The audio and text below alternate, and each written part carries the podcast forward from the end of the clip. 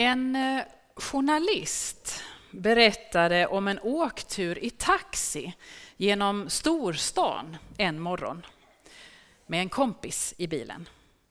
När de steg ur taxin så sa kompisen till chauffören Tack för körningen. Den var väldigt bra. Jag kände mig trygg hela vägen. Taxichauffören tittade förvånat på kompisen och sa, men eh, är du någon positivitetskonsult eller något? Vem är du egentligen? Nej, sa kompisen, och jag skojar inte med dig. Jag, jag beundrar verkligen ditt sätt att hålla huvudet kallt i trafiken en sån här stressig morgon. Tack så mycket. Uh, jaha, sa taxichauffören och körde vidare. Vad var det där? Frågade journalisten sin kompis. Jo men, sa kompisen, jag försöker införa vänlighet och medmänsklighet i den här stan. Jag tror att det är det enda som kan rädda stan faktiskt. Ja, men hur ska du, en enda människa, kunna rädda den här stan? Här bor ju en miljon människor. Och du kan ju inte själv vända allt som är dåligt. Du kan ju själv läsa vad som står i tidningarna, sa kompisen. Invände journalisten var det ju förresten. Ja, men det är just det, sa kompisen. Det handlar inte om en enda människa. Jag tror att jag har gjort den här taxichauffören glad idag. Och vi antar nu att han har, ska vi säga 20 körningar under den här dagen. 20 personer som kommer att åka med taxichauffören. Och som han kommer vara vänlig emot eftersom någon var vänlig mot honom först.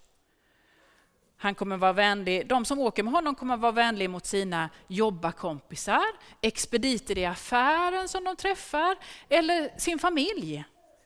Och då skulle det kunna betyda att omtanke och vänlighet och medmänsklighet är spritt till, tja, vad ska vi säga, hundra personer kanske, bara på en liten grej.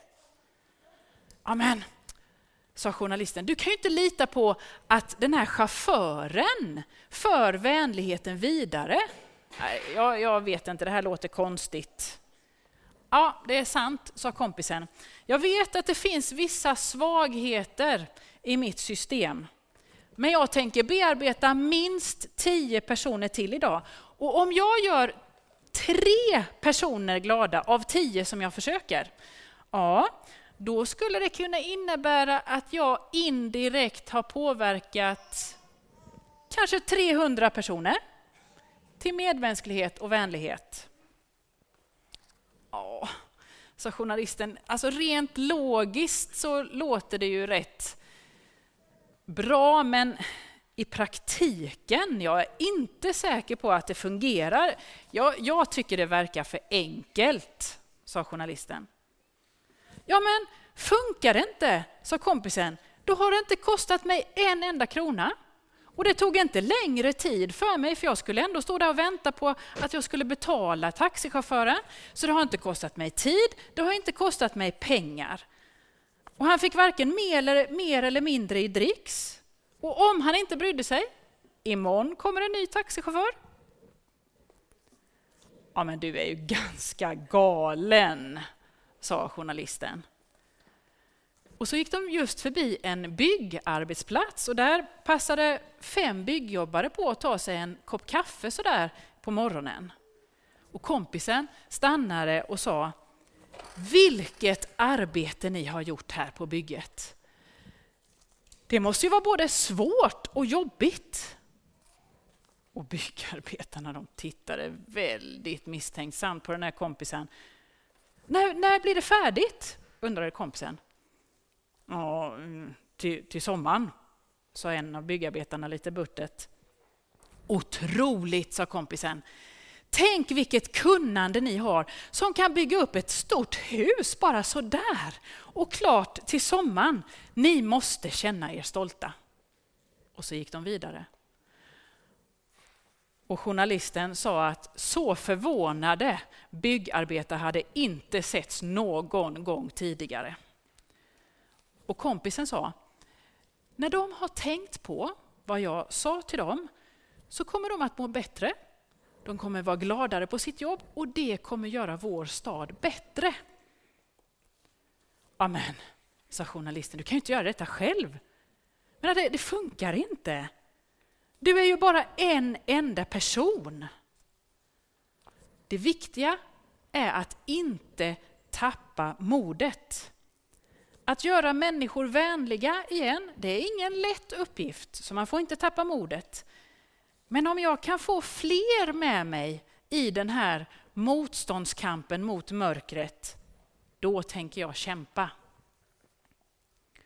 Och gående mot dem precis då så kom det en kvinna i en stickad tröja och kompisen sa, ja men du, snygg tröja det där, den passar dig jättebra. Kvinnan hon tittade lite förvånat på sin tröja och ja, sen log hon och sa tack. Men, sa journalisten när hon hade gått vidare, det var en helt vanlig tröja. Det var inte något särskilt alls med den. Jag vet, sa kompisen. Och om hon är lärare, tänk vilken dag den klassen kommer få idag. Ja, ibland så kanske det kan vara så att vi känner oss som ett folk som vandrar i mörkret. När vi ser på allt som händer och sker i vår värld.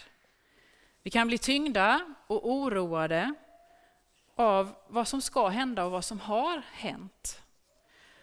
Och säkert är det så att vi behöver påminna varandra då om att det finns ljus. Det finns ljus och det finns hopp. Som kristen så är min tro att, att ljuset, det goda, det kommer att segra. Jag tycker att vi ser det varje gång vi är i ett mörkt rum och ljus faller in från ett annat rum. Det är ljuset som vinner över mörkret, alltid. Och ljuset och det goda, det är inget som är väsensskilt från oss människor, från dig eller från mig. Det finns i oss och med oss. Jag tänker att Gud som har skapat oss har skapat oss goda. Och det goda kan segra i var och en av oss. Och tydligast blir det, tycker jag, när vi kan leva tillsammans, sida vid sida i ömsesidighet, med varandra, med skapelsen och med Gud. Och Gud har inte gett upp hoppet om oss. Gud hoppas på oss. Och han sände sin son Jesus för att visa att varken ljus, kärlek eller hopp har förlorat. Det kan se ut så ibland.